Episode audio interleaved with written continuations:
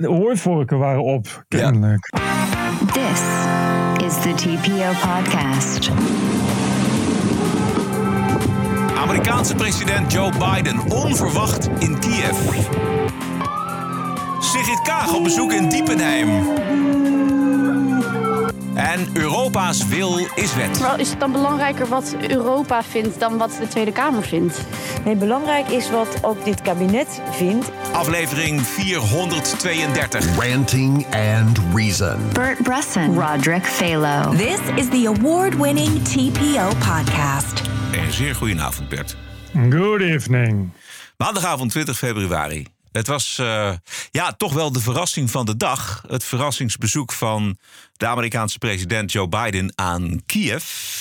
Even kijken, we hebben hem hier. En dat ging dus ja, onder sirenegeluid.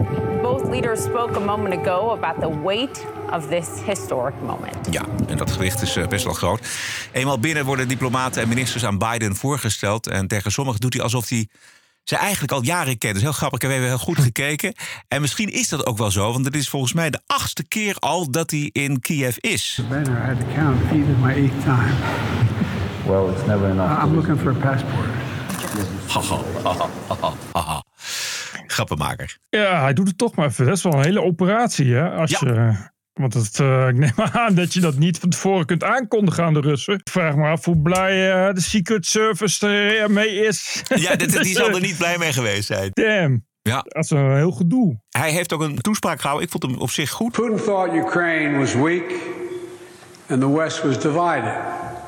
And one year later, the evidence is right here in this room.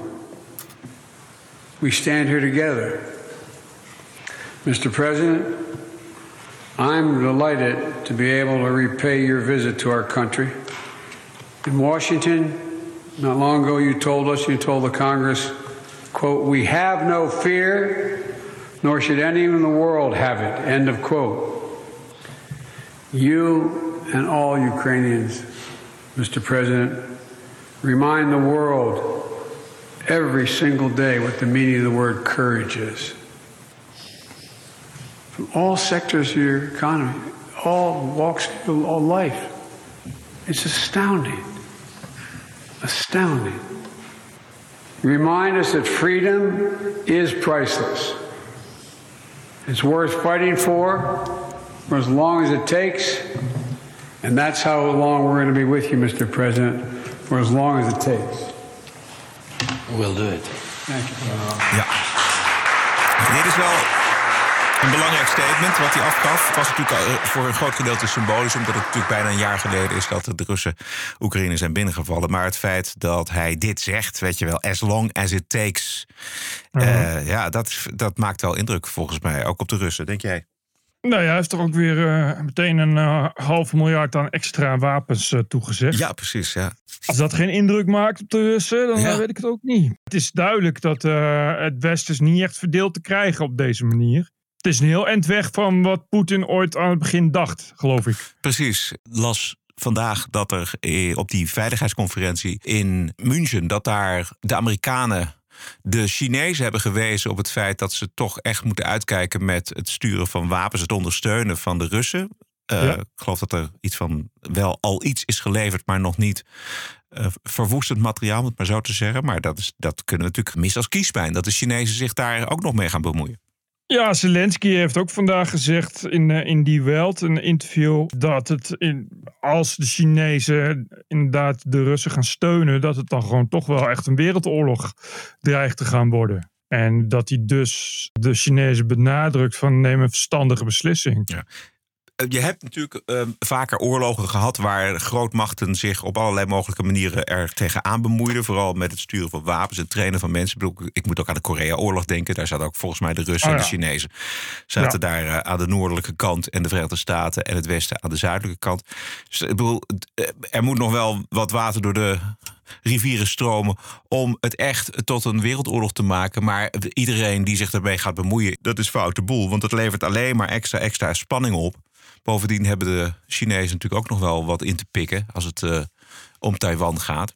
Ja, exact. De Britse premier die gaat Zelensky lange afstandsraketten leveren. Luister maar. We must help Ukraine to shield its cities from Russian bombs and Iranian drones. And that's why the United Kingdom will be the first country to provide Ukraine with longer range weapons. And it's why we're working with our allies to give Ukraine the most advanced air defense systems and build the air force they need to defend their nation. Kijk, we hebben het hier natuurlijk nog steeds eh, voor alle duidelijkheid over een land dat zich wenst te verdedigen. Dat uh, lid is van de Verenigde Naties. Wat een land is wat wordt aangevallen door een andere mogelijkheid, door een agressieve buurman. Bottom line is dus dat. Het is niet een oorlog tegen Rusland, het is de verdediging van Oekraïne. Ja, maar goed, met lange afstandwapens is natuurlijk de vrees dat Oekraïne Rusland gaat aanvallen. Ja. Doelen op de Krim en doelen op het Russische vasteland.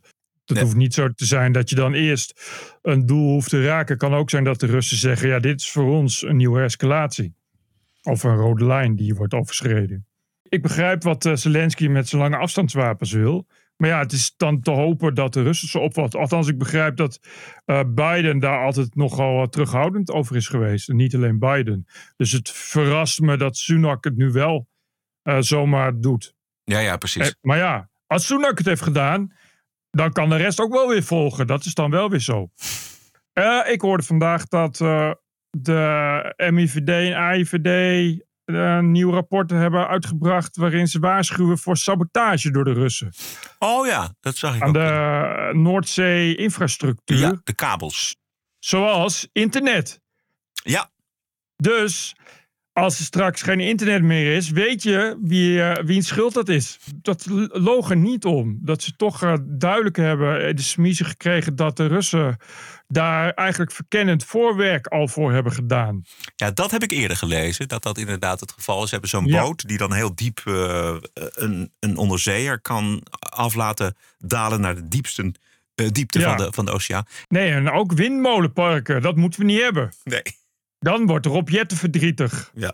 ja. Dan wordt, als je Rob Jetten kwaad krijgt, ja. Poetin, mannetje, ja. Kijk maar uit. dan zul je ervan lusten. TPO Podcast. Dan nu fakkels. Precies. We gaan uh, op campagne met Kaag. Want uh, de vicepremier Kaag die was dit weekend op verkiezingscampagne in uh, Diepenheim in Overijssel. En daar kreeg zij vier jaar na dato eindelijk antwoord op haar eigen vraag uit de Kaag-docu. Namelijk, wie zijn die mensen die zo ontevreden zijn? Dit is een van die ontevreden mensen en ze vertelt ook meteen waarom ze ontevreden is. Omdat A, de boeren kapot worden gemaakt. De burger wordt op kosten gejaagd om allerlei infantiele bezuinigingen aan zijn huis aan te brengen. Die ja, ze bedoelt bezuiniging, isolatie, dus warmtepompen, energiematerialen. Die, die, voor een normaal mens niet te betalen zijn. Nee. En u denkt dat wij dat kunnen betalen? Nou, weet u? Maar ons hele pensioen is naar de kloten geholpen door jullie. En wat niet? Ja. En wat niet? Nou, die niet naar de kloot, nee. nee dat wat niet? U bent niet voor Nederland. Wat zegt u? U bent niet voor Nederland. Nee. Nee, absoluut niet. Ik denk WWW. Rutte ook niet, VVD niet. Nee. CDA, GroenLinks, Partij van de Arbeid niet. Zijn niet voor de Nederlanders.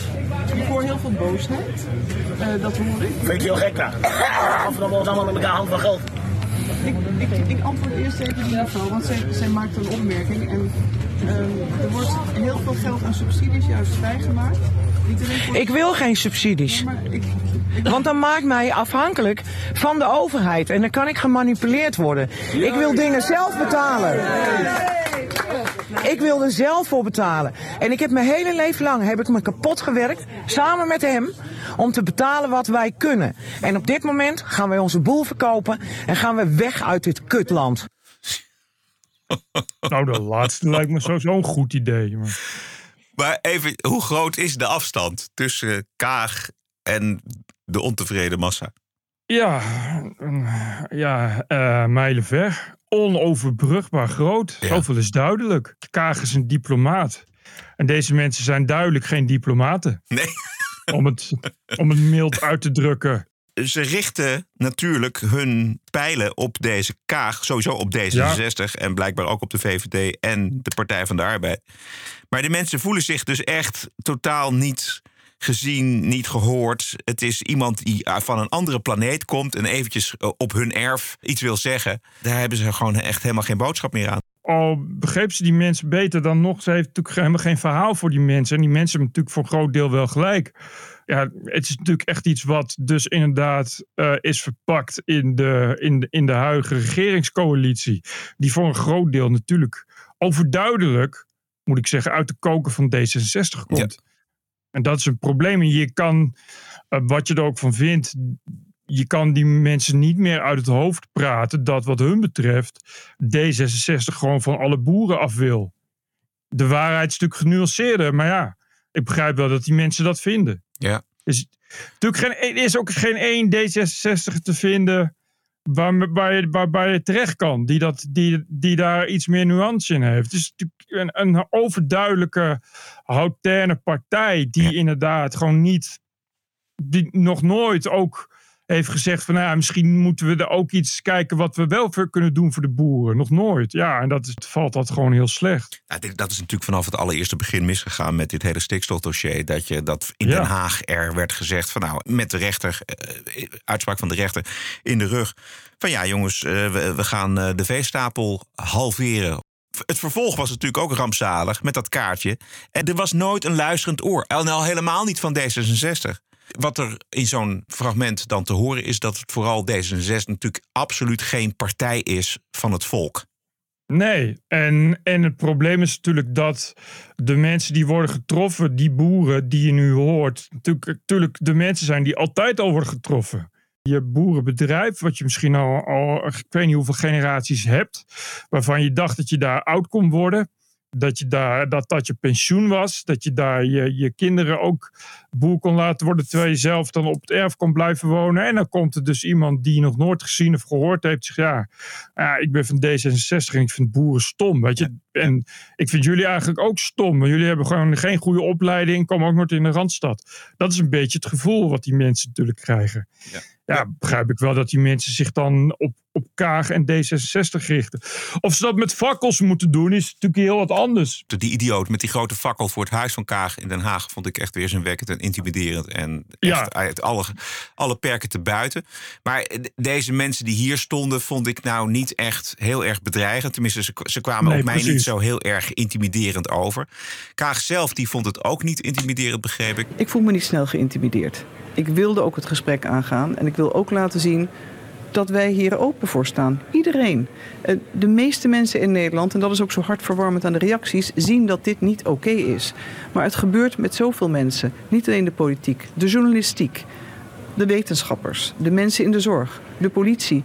De onveiligheid in een dusdergelijk klimaat gaat ons allen raken. En ultiem niet tastbaar, niet nu meetbaar, raakt het de rechtsstaat en de democratie. En daar gaat het mij om. U zegt eigenlijk het staat voor iets groters, iets breders. Het staat voor iets veel groters. En er wordt een gedrag normaal gemaakt wat wij nooit als normaal zouden moeten ervaren. Ja. Rutte zei er vanmorgen dit over. Waarom was dit zo intimiderend? Nou, de reden die we allemaal kennen. Dat is dat deze politica eerder is geconfronteerd met een fakkel. Dat weet je heel goed. Als je met fakkels gaat staan wat je doet. Ik vind het echt totaal onacceptabel. Je doet dit niet. Ja. ja. ja. Nee, ik ben het uh, allemaal met hem eens en zo. Maar ja, dan, dan moet je er misschien iets aan doen. Ik heb het niet alleen over die mensen met fakkels. Maar zoals Kaag uh, net zei, is het natuurlijk onderdeel van een breder iets.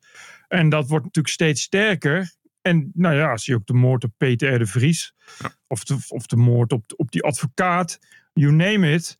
Ja, uh, misschien moet je dan ook eens wat meer zeggen dan, dan ik vind het niet oké. Okay. Dat weet iedereen nu wel zo langzamerhand. Je kan je afvragen of daar ook niet dan beleid voor moet zijn. Maar wat, wat bedoel je?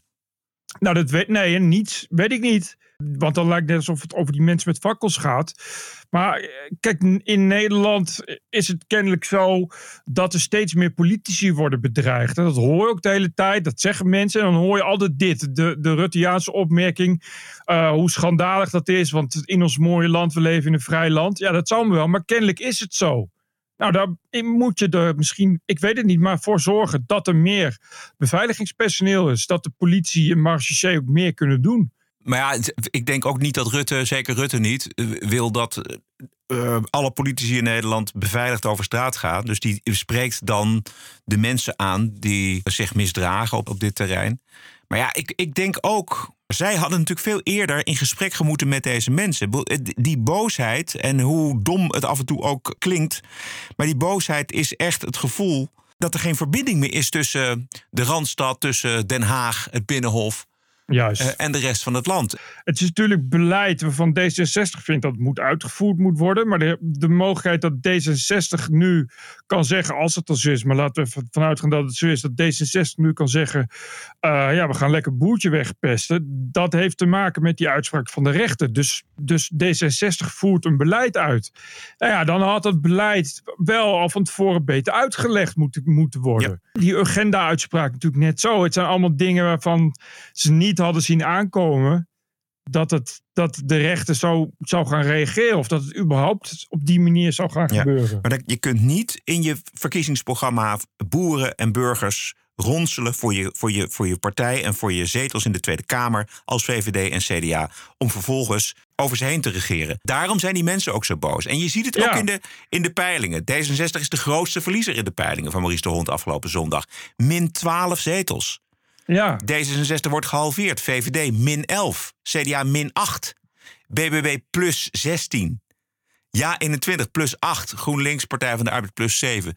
PVV plus 1. Dat vond ik wel vrij mager. Maar goed.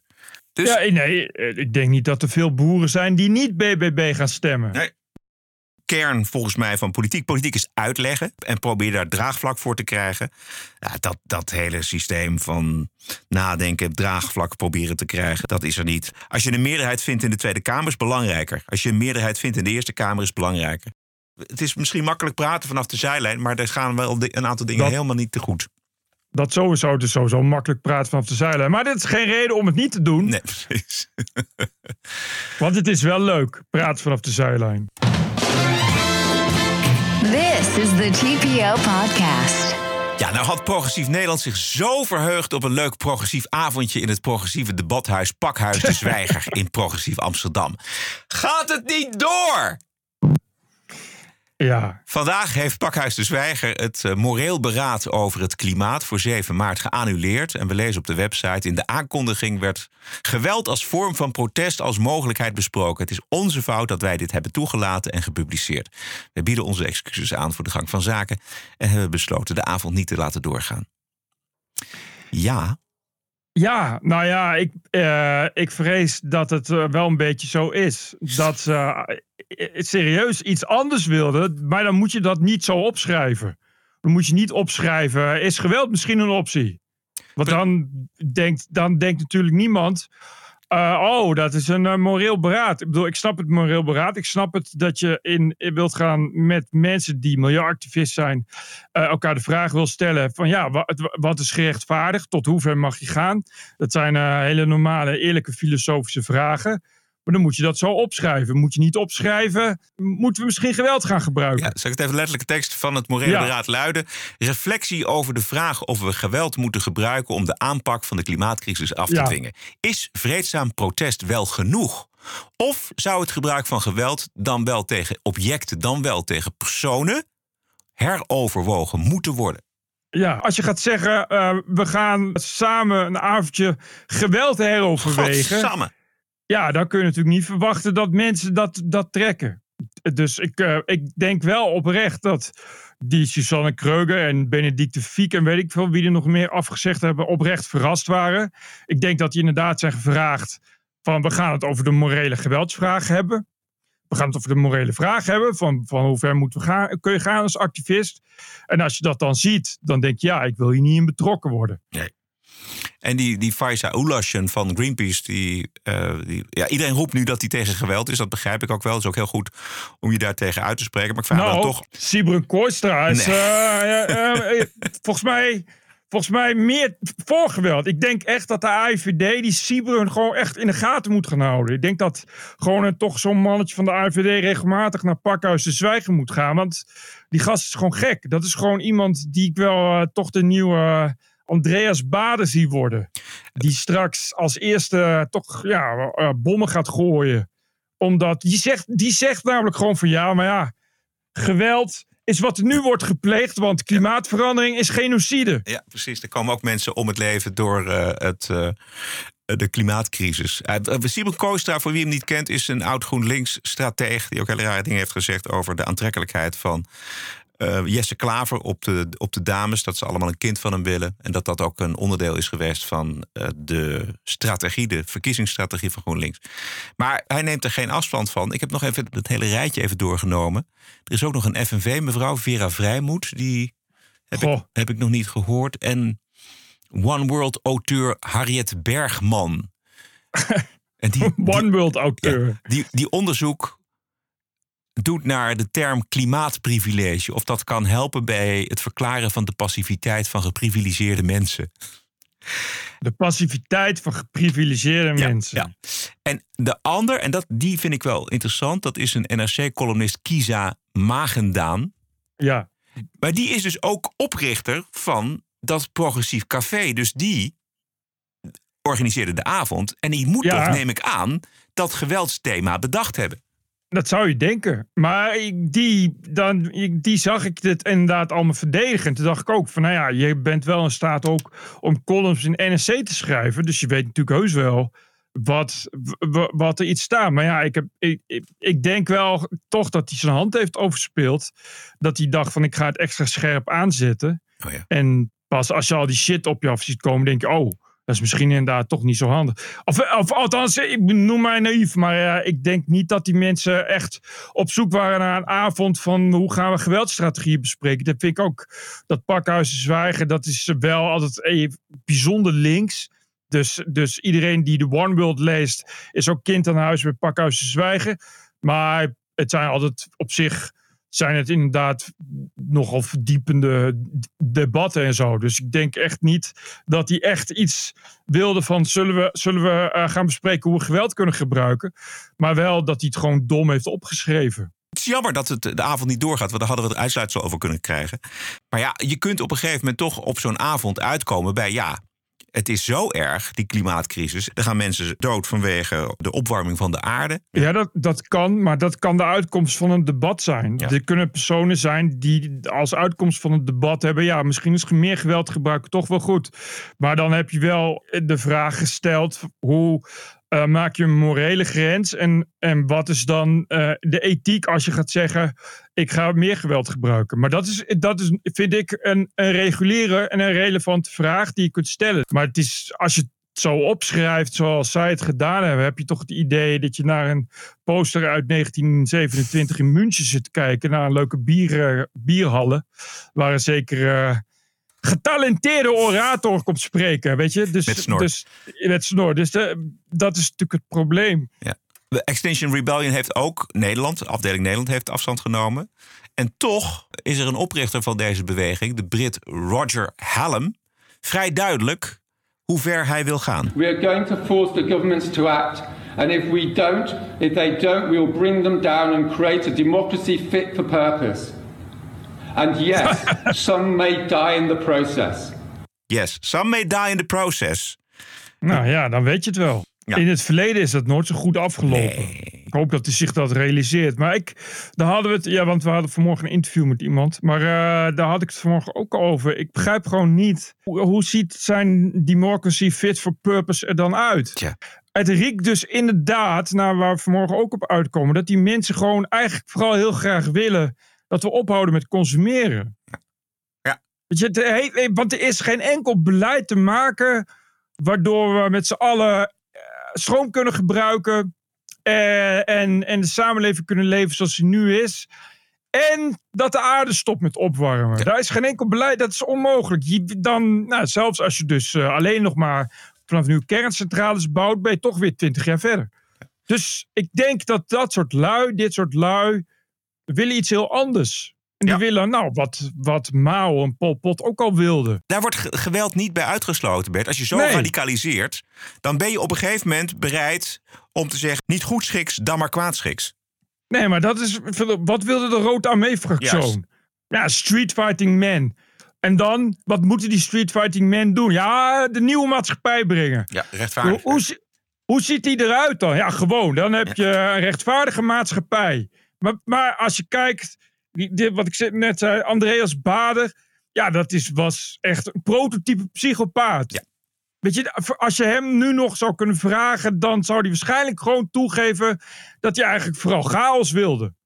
Weet je, dat is leuk om dat dan een doel te koppelen, want dan is het makkelijk te verkopen. Maar dat is wat, dat, is wat, wat dat lui willen. En die gast die net hoort ook, dat wat hij wil, is dat we allemaal teruggaan naar de steentijd en dan weer wol gaan spinnen aan een spinnenwiel.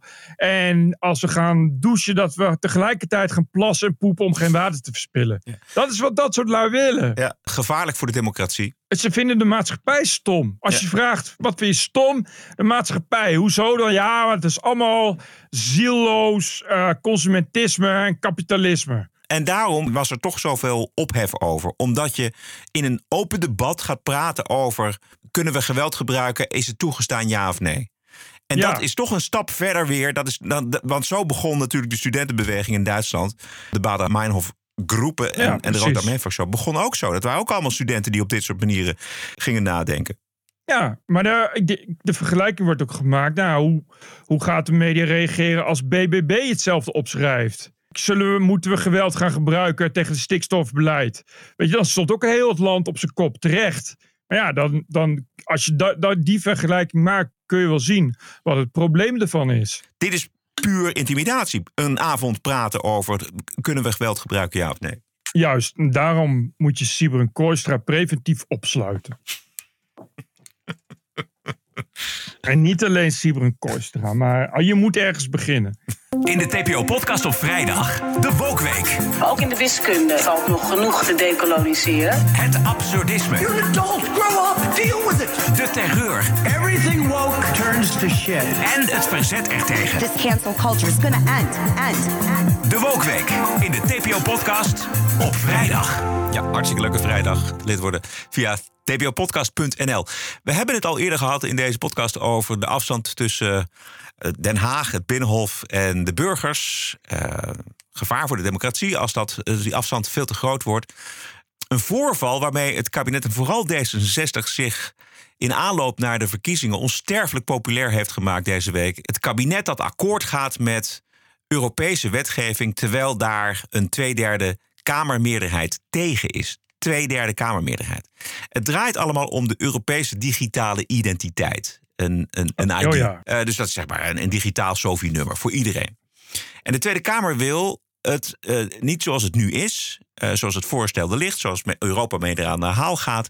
Maar het kabinet heeft in Europa al gezegd dat ze ermee instemmen en houdt voet bij stuk in de Tweede Kamer. Dit is Pieter Omtzigt. Wanneer de Nederlandse regering instemt met wetgeving in Europa, een verordening of een richtlijn, dan heeft Nederland de wet die daaruit komt maar te accepteren. Die heeft namelijk directe werking. En de Nederlandse regering stemde in met de wetgeving. Het gevolg is dat de regering er feitelijk in slaagt om in te stemmen met dwingende wetgeving die in Nederland tegen de wil van de meerderheid van deze Kamer ingevoerd wordt. Deze motie is dus ook feitelijk een amendement en had als amendement behandeld moeten worden en uitgevoerd moeten worden. Nu de regering dat niet gedaan heeft, zitten we straks dus met een Europese digitale identiteit die de meerderheid van de Kamer, het hoogste orgaan in zo'n staatsbestel, niet wil. Juist. Ja, het is absurd. Ja. volgens mij eh, hoort het zo te zijn dat eh, elk lidstaat afzonderlijk mogelijkheden heeft om eh, iets tegen Europese wetgeving in te brengen. En als er een tweederde Kamermeerderheid is, betekent dat dat er eh, een meerderheid van het land daartegen is. Dus dan kun je niet zeggen, ja, maar dat is zo'n gepasseerd station. Eh, en dit is precies de koor op de molen die je niet wil. Dit is, hiermee toon je precies aan hoe eh, een, een ongekozen Europese Commissie en een Europese Unie eigenlijk gewoon lidstaten buitenspel zet. Dat je dus als burger in je eigen land niets te vertellen hebt, want het wordt je toch wel opgedrongen. Ja, D66 Tweede Kamerlid Hint Dekker, die kwam er ook niet meer uit. Die moest dat allemaal verdedigen. Nog een keer omzicht. En hier geeft D66 als democratische partij het wetgevende instrumentarium uit handen aan de regering, ook als een meerderheid van de Kamer het anders wil. Vindt D66 dat verstandig? Eh, ik heb hier echt geen goed antwoord op, eerlijk gezegd. Eh, in dit geval op inhoud is het niet geheel onverstandig. Ehm, in het algemeen, ik weet het niet. Dit is hoe, hoe het gebeurt. Afrondend. Maar voorzitter, dit is de kern van het maken van wetgeving. Je doet het per meerderheid. Soms win je, soms verlies je. Maar het hele idee van een parlement, wat normaal gesproken te vuur en te zwaar verdedigd wordt door D66, is dat het parlement gaat over wat de wetgeving hier is. Door te zeggen dat ook als je in de minderheid bent, dat je iets kan doordrukken via het kabinet, neemt D66 afstand van dat zeer elementaire beginsel van de democratie. Ja. Het is, dit is echt heel slecht. Dit is ook, het, het riekt toch een beetje naar misbruik maken van de situatie. Van, van, van in stilte tegen, tegen Europa zeggen wij gaan akkoord. Uh, omdat je weet dat er tegenstand is. En als die tegenstand zich dan aandient, zeggen ja, maar ja, nu is dat te laat, sorry.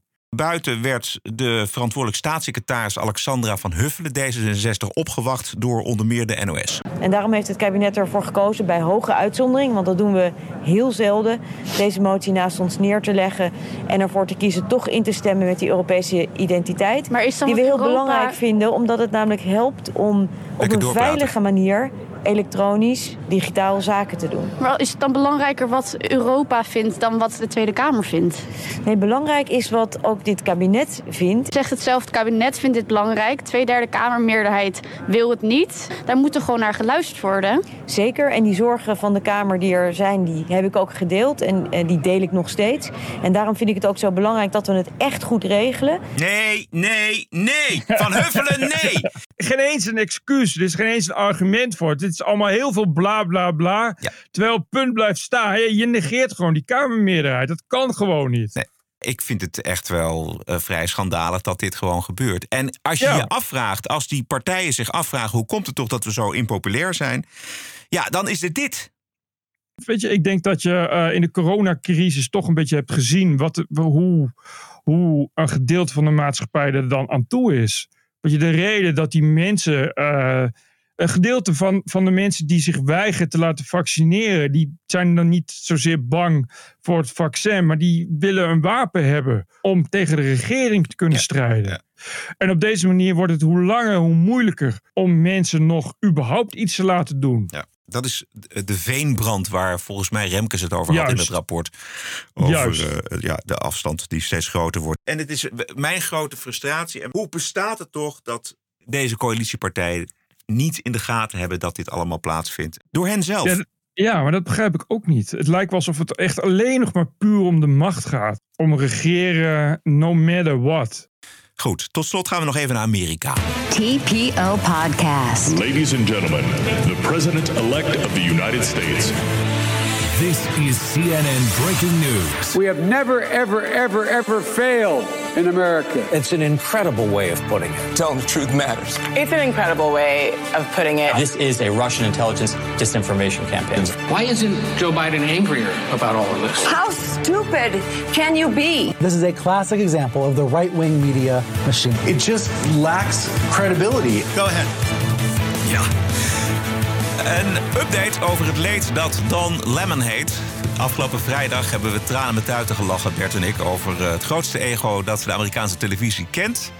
CNN-anker Don Lemon, of Don Lemon. En uh, waarom is het zo leuk? Omdat het, de, hij is een moraalridder van een wokeness en van een gelijkhebberigheid. ja, die kom je maar zelden tegen in Amerika. Afgelopen week ging hij zelf onderuit door de republikeinse kandidaat Nikki Haley, 51 jaar te oud te vinden voor de baan als president. Nikki Haley is in her prime. Sorry. When a woman is considered to be in her prime in her 20s and 30s and maybe 40s. What do you that's talk? not Wait. I, that's not according to me. Prime so for what? Ja, en de reacties die waren ongelooflijk heftig. Want dit is natuurlijk gewoon seksisme. Don is geschorst en de, de morning show ja. was opgelucht. Good morning, everyone. Audie Cordish is here at the desk with us this morning. Don has the day off. Day off. Day off, yeah, right. Oh, ja, dit gaat hem echt niet goed uitpakken. De reactie is echt heel Amerika is overheen gevallen. Um, ja, ik, ik, uh, ik weet niet wat gaat gebeuren, omdat uh, CNN gaat hem nu ook niet direct ontslaan. Dat is ook geen goed idee, maar ze kunnen eigenlijk ook niet meer handhaven. Dat is wel de reden waarom hij nu ineens afwezig is. Ja. Ja, en je, weet je, je ziet ook die ochtendshow met die nieuwe presentatrice. Iedereen is blij, iedereen is opgelucht. Volgens mij, dat is sowieso prettig om te zien in de ochtend. Dat mensen het met elkaar kunnen vinden ja. in zo'n ochtendshow. Het zou nog best eens een, een kijkcijfers kunnen trekken. Maar Don Lemon is uh, niet één dag vertrokken. Hij is volgens mij op vakantie uh, ergens in Miami. Ja, de New York Post en, en ik weet niet welke tabloids nog meer zijn, maar die, dus die, ja, die haten natuurlijk CNN en met name Don Lemon al, uh, al een hele leven. Uh, de New York Post is echt zo'n blad dat als ze bloed ruiken, ja. dan houdt ze ook gewoon niet meer op. Dan is ook echt, echt elk, elk splintertje van je leven wordt dan omgekeerd. Dus dan staat gewoon inderdaad Don Lemon met zijn vriend op vakantie half naakt op de voorpagina. Ja. Want Don Lemon is op vakantie. Ja. Is Don Lemon eigenlijk op vakantie? Of is Don Lemon de wacht aangezet? Weet je? Dus, Op vakantie gestuurd, ja. Ja, het is echt. Maar het is hilarisch om te volgen. Ik vind het echt smullig. Ja, het is ontzettend leuk. Voor wie hem kent, we hebben hem vaak genoeg uh, laten horen hier in de, de TPO-podcast. Zal wat oude quotejes van hem uh, gaan opzoeken voor aanstaande vrijdag. Maar ook een, een, krant als de New York Times, die er uh, toch een groot stuk over hem had deze week. Ja. En daarin komt dus inderdaad die, die, die, die nieuwe CNN-baas aan het woord. En, en hij zegt. Zijn opmerkingen waren verontrustend, onaanvaardbaar en oneerlijk tegenover zijn co-hosts. En ai, leidde ai. uiteindelijk enorm af van het geweldige werk dat deze organisatie verricht. Don Lemon heeft tegenover al zijn collega's excuses moeten aanbieden. Oh ja, precies. Ja. Ja. Hij heeft eh, de dag daarna moest hij in, in het openbaar inderdaad zeggen: ja, ik heb dat eh, niet zo bedoeld. Zo, maar het, ja, het stuk, je kan natuurlijk een hoop zeggen, maar ja, dit zo'n opmerking over women in a prime is natuurlijk, het gaat echt helemaal niemand trekken. Nou, uitgerekend Don Lemon, uitgerekend op de keurige zender CNN, weet je, ja. Ik weet, niet of die, ik weet gewoon niet of die hier ooit nog heel uit, uitkomt. Kijk, hij heeft natuurlijk helemaal niks op met de Republikeinse Partij. Daar is hij veel te links voor.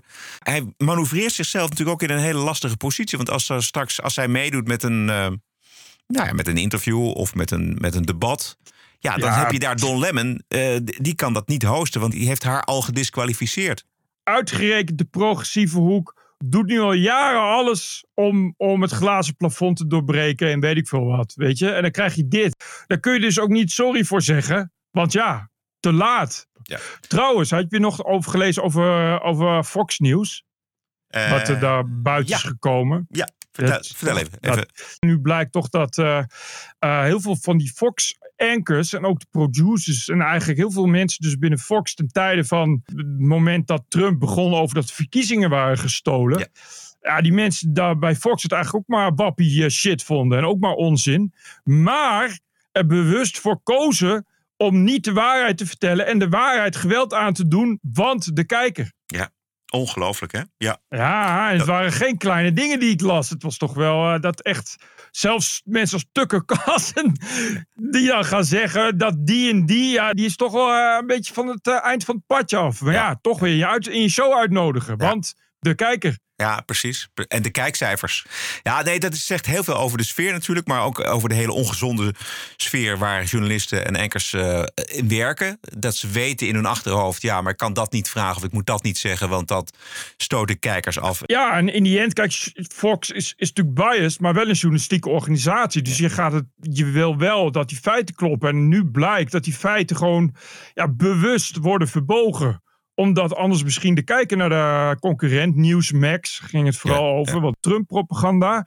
Dus ja, de angst is natuurlijk dat die daarheen liepen. Maar je leest ook hoe een verslaggever die inderdaad zei, nou, ik ga dit nog eens een keer factchecken, want volgens mij klopt dit niet. En daarna ja, uh, wordt gezegd, nee, dat, uh, sorry, dat mag je niet meer doen. Want ja, want we willen niet dat uh, de kijker denkt dat wij dat soort dingen gaan factchecken. Huh? Deze mentaliteit ook bij CNN Tuurlijk. aanwezig is geweest. Die bias, die is gewoon collectief. Zie Hunter Biden bijvoorbeeld. Ja, precies. De Hunter Biden story. Ja. De Russian collusion natuurlijk net zo is gegaan. Ja, exact. Er waren vast mensen die zeiden van ja, maar ja, in die end, weet je, houdt het eigenlijk geen stand. Maar ja, laten we dat dan maar niet opschrijven. Ongelooflijk. Wat een blokken, wat een, wat, een, wat een ideologische blokken hebben bezit genomen ja. van die journalistiek in Amerika. Afschuwelijk. Ja, het is best wel sick. Ja. Het is echt, uh, toen ik het las, ook omdat in, bij Fox echt tot op het hoogste niveau, dat uh, Robert, Murdoch, uh, Robert Murdoch zelf inderdaad mailtjes stuurt van ja, misschien moeten we toch, misschien moeten we toch maar oppassen met wie we wanneer waar kritiseren, want kijk eens naar Nieuws, Nieuwsmax lopen op. Ja, Ja, misschien moet je dan geen journalistieke organisatie beginnen. Gewoon porno gaan verkopen of, of, of weet ik veel wat. Maar ja, wat je zegt, CNN zal het niet beter hebben. Ja, nu wel. Ik vind dat ze het nu wel goed doen. Met die nieuwe baas. Goed. Tot zover. Wij zijn er alweer aanstaande vrijdag. Het feit dat u vandaag de TPO-podcast voor niks kon luisteren... dat heeft u te danken aan de mensen met een abonnement op de vrijdag. Dat abonnement is er al voor 4 euro per maand. Daar krijg je acht afleveringen voor. Het is een klein bedrag, maar wij kunnen dankzij die 4 euro... door met deze podcast. Steun ons en doe jezelf een plezier. En word ook donateur, vrijdag abonnee. Ga naar tpopodcast.nl. Stay cool! En tot vrijdag! TPO Podcast. Bert Bruson, Roderick Balo, Ranting and Reason. Podcasting is the TPO podcast in the Netherlands. Bert and Roderick. What a show. I'm telling you. Keep the show running. Go to tpo.nl slash podcast. Thank you.